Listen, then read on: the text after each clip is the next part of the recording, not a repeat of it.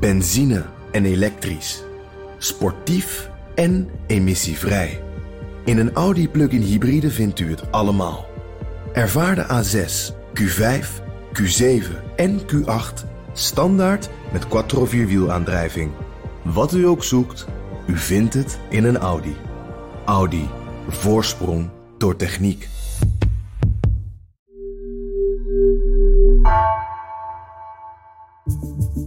Vanaf de redactie van NRC het verhaal van vandaag. Mijn naam is Thomas Ruip.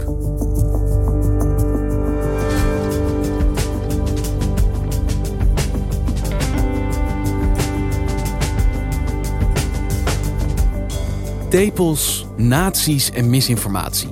Wat mag wel en niet op sociale media? Wie dat bepaalt, heeft aanzienlijke macht over onze maatschappij. Kunnen we die wel toevertrouwen aan de techbedrijven? Facebook besloot als eerste om een speciaal orgaan in het leven te roepen om zichzelf te controleren. Maar, vraagt mediaredacteur Juurt IJsvogel zich af, werkt dat wel?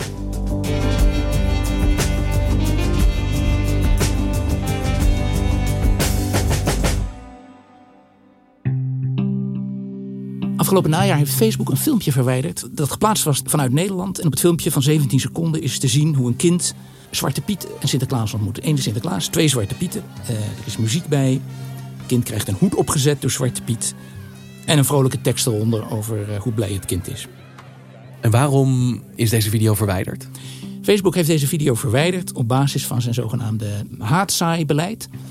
En Facebook vindt blackface, zoals het in, in Amerika heet, is een racistisch gevoelig gebruik. En dat verbannen ze van hun site, van hun platform. Dus dit filmpje werd beoordeeld als aanzetten tot haatzaaierij? Ja. Vervolgens in december is uh, degene die dat filmpje geplaatst heeft daartegen in beroep gegaan. Want die was het hier niet mee eens? Die was het er niet mee eens. En je kan daar tegen in beroep gaan bij Facebook. En precies om dit soort lastige kwesties op te lossen, heeft Facebook een orgaan opgericht, de Facebook Oversight Board, om eigenlijk die moeilijke beslissingen uit handen te geven aan een organisatie op afstand. Het Facebook Oversight Board. Ik had hier echt nog nooit van gehoord. Hoe is het gekomen dat dit is opgericht, dat dit in het leven is geroepen? Iedere keer kwamen er weer van die lastige beslissingen, die niet alleen lastig waren voor Facebook, maar ook waar Facebook door onder vuur kwam. Mark Zuckerberg doubling down on Facebook's controversial decision not to fact-check Facebook ads from political candidates. It's the first time a social media company has proactively blocked an article from a major mainstream news organization. Beslissingen over of ze nou wel of niet terecht dingen van Facebook verwijderen. Hup, censuur werd er dan geroepen. Ook kritiek over dat er bepaalde berichten juist niet verwijderd werden. En zelf zijn ze ook tot de conclusie gekomen dat het beter was en waarschijnlijk ook handiger dat ze die beslissingen niet zelf zouden nemen en dat uit handen zouden geven en dus ook niet de kritiek zouden krijgen als er een omstreden besluit wordt genomen. Het idee voor deze oversight board is eigenlijk afkomstig van Noah Feldman, een staatsrechtgeleerde in Harvard die logeerde bij iemand van Facebook en had daar toen tijdens dat, dat bezoek, tijdens de logeerpartij ook veel over gepraat. Die gingen en fietsen en op de fiets, heeft hij een keer verteld, dacht hij, ja, maar we moeten een soort Supreme Court voor Facebook hebben. Een onafhankelijk, zo onafhankelijk mogelijke, ja, een beetje rechtbankachtige organisatie die zich over dit soort dingen buigt. Een organisatie van mensen die uit verschillende hoeken komen, uit verschillende hoeken van de wereld komen, maar die ook verschillende competenties hebben. Want het idee is dus gemodelleerd eigenlijk naar de Supreme Court, naar het Amerikaanse Hoogste Rechtshof, maar een soort ja, onafhankelijke groep van rechters die kan besluiten wat wel en niet rechtvaardig is. Die Veldman, toen ik hem belde, die zei ja, het is natuurlijk een analogie. Het is niet echt een koord, maar dat is de gedachte. Dat ze niet alleen op basis van hun verschillende achtergronden en competenties, maar ook op basis van goede argumenten een beslissing nemen en ook laten zien waarom ze die beslissing nemen, zodat iedereen kan lezen, teruglezen waarom dit bericht wel of niet van Facebook is verwijderd. Oké, okay, dus geen echte Supreme Court, maar wel machtig en onafhankelijk. En dit vond Mark Zuckerberg een goed idee. You know, I believe that if we were writing the rules for the internet today from scratch, I don't think that we would want private companies to be making so many fundamental decisions uh, by themselves about important things like what speech is acceptable. Hij vond het een goed idee, omdat het voor hem natuurlijk ook een probleem oplost. Hoe bedoel je dat? Als het goed werkt, dan krijgt hij niet alle uh, shit over zich heen als er een omstreden beslissing wordt genomen of een filmpje over Zwarte Piet wordt verwijderd of juist weer wordt teruggeplaatst. Dan kan hij zeggen: nee, dat is niet de Facebook-organisatie, dat is deze min of meer onafhankelijke oversight board die dat beslist heeft. If Facebook takes a piece of content down and you, know, you think that it shouldn't be taken down, then you'll be able to appeal it. And if you still disagree with, with our treatment on appeal, you'll be able to appeal it to this external independent board. Dus dat boord dat kwam er. En wie nemen daar dan in plaats? Wie worden die, ja, tussen aanhalingstekens, rechters van Facebook? Daar zit bijvoorbeeld in Helle Thorning-Schmidt, de voormalige premier van Denemarken. Daar zit ook in de voormalige hoofdredacteur van The Guardian, Alan Rusbridger. Daar zit een aantal prominente Amerikaanse juristen in. Dus zo heb je een heel breed ja, panel. En dus ook vanuit verschillende delen van de wereld. Uit Afrika, uit Azië, uit Zuid-Amerika. Uh, de decaan van de juridische faculteit van de Universiteit van Bogota zit erin. En het is dus een groep zeer scherp geslepen geesten die Facebook de maat moeten nemen. Maar wat is hun relatie tot Facebook dan? Nou ja, dat is een hele interessante vraag. Uh, die Alan Rusbridger zegt: Kijk, ik, ik heb niet het gevoel dat ik speciaal aardig voor Facebook moet zijn. En ik zie dat het nuttig en nodig is om deze rol te vervullen voor deze board. En zo staan de meesten er eigenlijk in. Voor sommigen is het ook lastig. Een van de leden van de board is uh, Julie Owono. Deze week met haar gebeld. Good morning. Hallo. So sorry. Um, Jord, is that correct? Jord, that's right. Yeah. Jord. Nice to meet you. Zij is een advocaat, afkomstig uit eh, Frankrijk en Cameroen. Is directeur van een organisatie die opkomt voor uh, digitale burgerrechten, vooral in, uh, in Afrikaanse landen en toegang tot internet in Afrikaanse landen ja, dan, dan kan dat op gespannen voet staan met de belangen van Facebook. Um, maar goed, dat heeft zij voor lief genomen. Zij denkt dat ze dat kan combineren. En dat heeft Facebook voor lief genomen. I mean, we're talking about the existence of freedom of expression itself. Yeah. If we don't come up with solutions, we are going to lose everything. That's for sure. En die Julie Owono zegt ook: uh, Ik heb altijd deze, dit bedrijf Facebook uh, gekritiseerd en dat blijf ik ook doen. Uh, we've had discussions about that. Yeah. Obviously, I clearly explained that I still remain completely free to criticize the company. I've done so at many occasions, um, and I will continue to do so. Zij voelt zich onafhankelijk.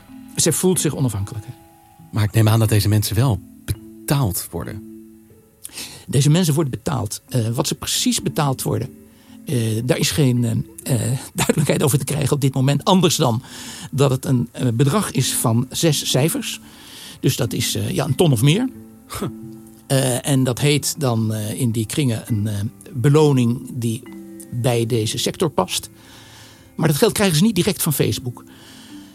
Hoe dan? Facebook heeft een bedrag van 130 miljoen, geloof ik, in een onafhankelijke trust gestopt. Dus in een soort fonds en dat fonds zorgt voor alle kosten die de board heeft. Dus op die manier wil Facebook de indruk vermijden dat die board eigenlijk een soort marionetten van, van het Facebook-bestuur zijn.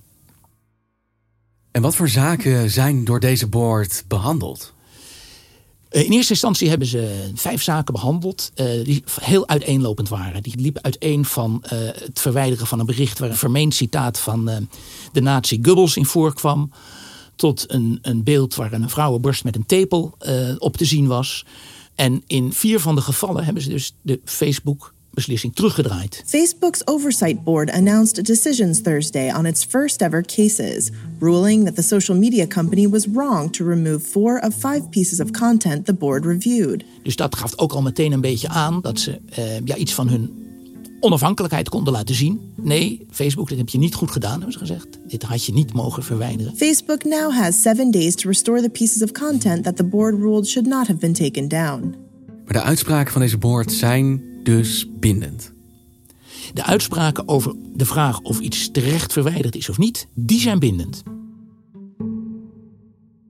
Facebook heeft dus eigenlijk een onafhankelijk orgaan gecreëerd dat wel degelijk macht heeft. Een waakhond met echt ook tanden. Ik ben er best wel onder de indruk. Ik dacht in eerste instantie, ja, is dit niet gewoon een wassen neus om maar te laten zien dat we er mee bezig zijn? Nee, in die zin is het zo dat ze inderdaad macht hebben gekregen. De vraag is wel, critici zeggen, Facebook heeft wel macht uit handen gegeven, maar over de dingen waar het echt om gaat niet. En wie zijn die critici? Er zijn veel critici, maar een groep critici heeft zich verenigd in een organisatie die zich heeft genoemd The Real Facebook Oversight Board. dat is natuurlijk een steekje onder water. Mhm. The Real Facebook Oversight Board. Daar zitten mensen in, ook uit de Verenigde Staten, ook uit Europa. Daar zit onder andere eh, Nederlandse Marietje Schaken in. Oud-Europarlementariër voor D66. Een groot kenner van de hele problematiek van het internet en de macht van grote internetconcerns. En zij zeggen, er is eigenlijk een veel groter probleem met Facebook. En waar doelen ze dan op? Wat is dat probleem dan volgens hen? Nou ja, eigenlijk vroeg in het bestaan van die boord, eh, ja, in januari, had je in Washington die bestorming van het Capitool. En daarna heeft Facebook Trump van Facebook verbannen. Voor onbepaalde tijd. Maar daar is de vraag, zeggen de critici, welke rol heeft in de weken, in de maanden voorafgaand aan die bestorming van het Capitool, welke rol heeft daar Facebook gespeeld? Hoe heeft Facebook eraan bijgedragen dat de emoties zo hoog opliepen? Heeft Facebook wel goed in de gaten gehouden wat er gebeurde in Facebookgroepen van rechtse bewapende milities? En hoe zijn de berichten van dat soort milities verspreid? Hebben die een grote verspreiding gekregen? Of heeft Facebook daar een rem op gezet? Heeft Facebook het überhaupt in de gaten gehad wat er aan de hand was? Uh, daarvoor, zeggen critici, moet je dus kijken naar hoe het systeem van die sociale media werken. Hoe werken de algoritmes van Facebook? Daar moeten we zicht op hebben. En daar kan deze oversight board niks over zeggen. Want het wel of niet opschorten van de account van Trump lijkt me nou net een zaak waar zo'n oversight board zich over zou moeten buigen. Ja, en ze gaan zich dus ook buigen over de vraag: heeft Facebook Trump terecht voor onbepaalde tijd verwijderd? Maar dat is nog niet de vraag: welke rol heeft Facebook zelf gespeeld bij het zo hoog oplopen van deze emoties? Welke rol heeft het hele systeem zoals Facebook functioneert met het vergroten van aandacht voor, voor hoog emotionele, hoog omstreden dingen, daartoe bijgedragen dat het zover is gekomen? Ja, precies. Want de vraag die dan centraal komt te staan is: is Trumps account terecht verwijderd vanwege de rol die hij gespeeld heeft in het aanzetten tot die bestorming? Maar de critici zeggen eigenlijk: Facebook moet gaan onderzoeken welke rol zij zelf gespeeld hebben. Bij dan, in dit geval, die bestorming. Ja, of ze zeggen misschien niet Facebook moet het onderzoeken, maar wij zouden het willen onderzoeken. Maar daarvoor zouden we inzicht moeten hebben in hoe die algoritmes functioneren. Dus Facebook zou daar open kaart over moeten geven. Wat ik me ook afvraag is hoe slim en, en ja, welbelezen de mensen zijn die in zo'n orgaan zitten. Het is nogal ingewikkeld ook, denk ik, om te bepalen wat wel en niet door de beugel kan. Ja, in allerlei verschillende culturele contexten. Het lijkt me bijvoorbeeld als Amerikaan al behoorlijk moeilijk om af te wegen wanneer een filmpje over Zwarte Piet wel of niet aanstootgevend is. Of dat het misschien altijd aanstootgevend is. Ja, ja dat, is, dat is natuurlijk absoluut zo. Als er een klacht in behandeling wordt genomen door die boord, dan wordt er een panel van vijf leden samengesteld die zich daarover gaan buigen. Dus die gaan eigenlijk de beslissing voorbereiden. En van die vijf leden moet er tenminste één uit de regio komen waar het zich afspeelt, waar het over gaat. Dus in het geval van, van de Zwarte Piet beslissing. Er zijn drie leden in de raad op het moment die eh, uit Europa komen. Dus eh, daar mag je ervan uitgaan dat één van de drie leden in de Zwarte Piet commissie zit. Die de beslissing over Zwarte Piet voorbereidt. Zodat er toch enige vertrouwdheid is met de culturele eigenheid van de mensen die erover beslissen. Dus ze werken niet vanuit een soort universele code, maar er wordt rekening gehouden met culturele context. Door het voorbeeld van een vrouwenborst. Ik kan me voorstellen dat zo'n beslissing anders uitvalt in Nederland dan in Jordanië. Ja, dat, is, dat is sowieso natuurlijk ingewikkeld. Dat Facebook is een organisatie met gebruikers over de hele wereld. En die hebben natuurlijk allemaal verschillende culturele achtergronden. Uh, dat, blijft, dat blijft natuurlijk een heikel punt. Ja, want vijf intellectuelen die zich zorgvuldig erover zullen buigen. Ja, je kan denken het is geruststellend, maar ik vraag me dan toch een beetje af wie zijn zij om te bepalen wat wij al dan niet te zien krijgen? Ja, nou ja, dat is natuurlijk een hele goede vraag. Wie zijn deze mensen dat zij zoveel uh, macht krijgen over uh, wat er wel of niet op de sociale media mag staan? Maar goed, je kan ook zeggen, wat is het alternatief? Tot nu toe is het dus zo dat alleen in laatste instantie de baas van Facebook erover beslist. En opmerkelijk was toen Trump van niet alleen Facebook, maar ook, ook Twitter, eh, van verschillende sociale media verbannen werd. Daar kwamen felle reacties op. Van dit is censuur. En onder andere Merkel liet via haar woordvoerder weten, Angela Merkel, dat dit niet kan, dat, dat dit censuur was. Eh, en dat we dit niet kunnen overlaten aan eh, de bazen van big tech bedrijven. Dus zij nam het in feite op voor Trump, bepaald niet een politieke vriend. maar omdat zij vindt, dit mag niet door bedrijven beslist worden. De grenzen mogen niet gesteld worden door bedrijven. Kan je zeggen, ja, het is een bedrijf die mag over zijn eigen platform zeggen wat erop verschijnt of niet. Maar goed, de omvang van deze sociale media platforms is natuurlijk langzamerhand zo groot. Dan heb je het over miljarden mensen dat het eh, ja, bijna een soort openbare voorziening is geworden. En zolang regeringen daar niet de macht naar zich toe trekken en gaan bepalen wat wel en niet gezegd mag worden, wat misschien ook niet zo wenselijk is, is er nu in ieder geval het begin gemaakt om dat door een, ja, een soort expert, een groep van experts te laten doen. En het feit dat Facebook nu dus zelf gezegd heeft: wij gaan een controlemechanisme in werking stellen, wij besluiten dat zelf, is dat niet eigenlijk ook een bewijs van hoe weinig grip landen en rechtbanken nog hebben op dit soort platforms? Ik vind het een moeilijke vraag, want het is. Niets staat landen in de weg om in te grijpen. Eh, autoritaire landen doen dat ook. Dat zie je. Eh, en die kunnen, die kunnen de kraan dichtzetten. Die kunnen eh, Twitter uit de lucht halen als ze dat willen. Hmm. Eh, en die doen dat ook. En ook rechtbanken kunnen natuurlijk, en dat staat ook in de regels van deze boord, dat ze natuurlijk niks zullen doen wat tegen de wet is. En dat ze natuurlijk uitspraken van, van rechters zullen respecteren. Dus het is niet zo dat het een in de plaats komt van het ander. Maar er is eigenlijk een soort vacuüm wat wordt opgevuld. Hoe het gaat werken, dat zal de komende tijd moeten blijken. Er zijn natuurlijk nog een handvol beslissingen maar geweest. Naarmate er meer komen, kun je denk ik beter zeggen ja, of het werkt en of het breder effect heeft.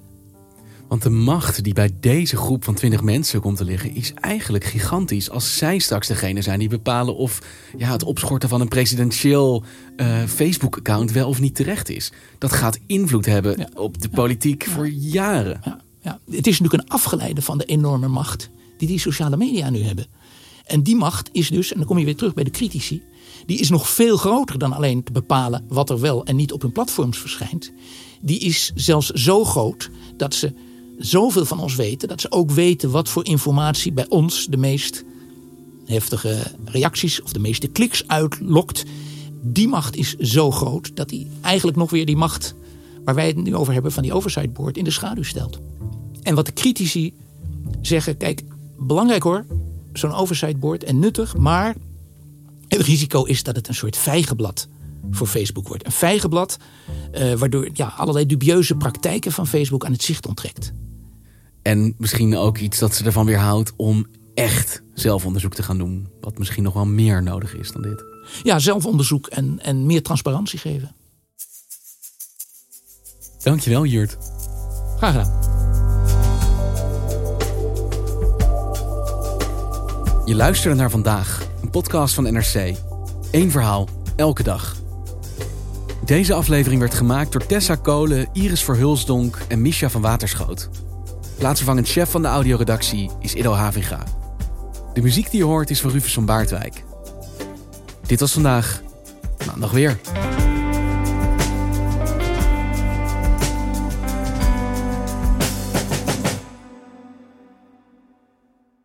Je hebt aardig wat vermogen opgebouwd. En daar zit je dan, met je ton op de bank. Wel een beetje saai, hè? Wil jij, als belegger, onderdeel zijn van het verleden of van de toekomst? Bridgefund is een slimme fintech die een brug slaat tussen de financiële behoeften van ondernemers en van beleggers. Dus wie belegt bij Bridgefund krijgt niet alleen een mooie vaste rente, maar brengt ook ondernemers in beweging. Echt waar, met die ton kan je zoveel betere dingen doen. Bridgefund. Make money smile.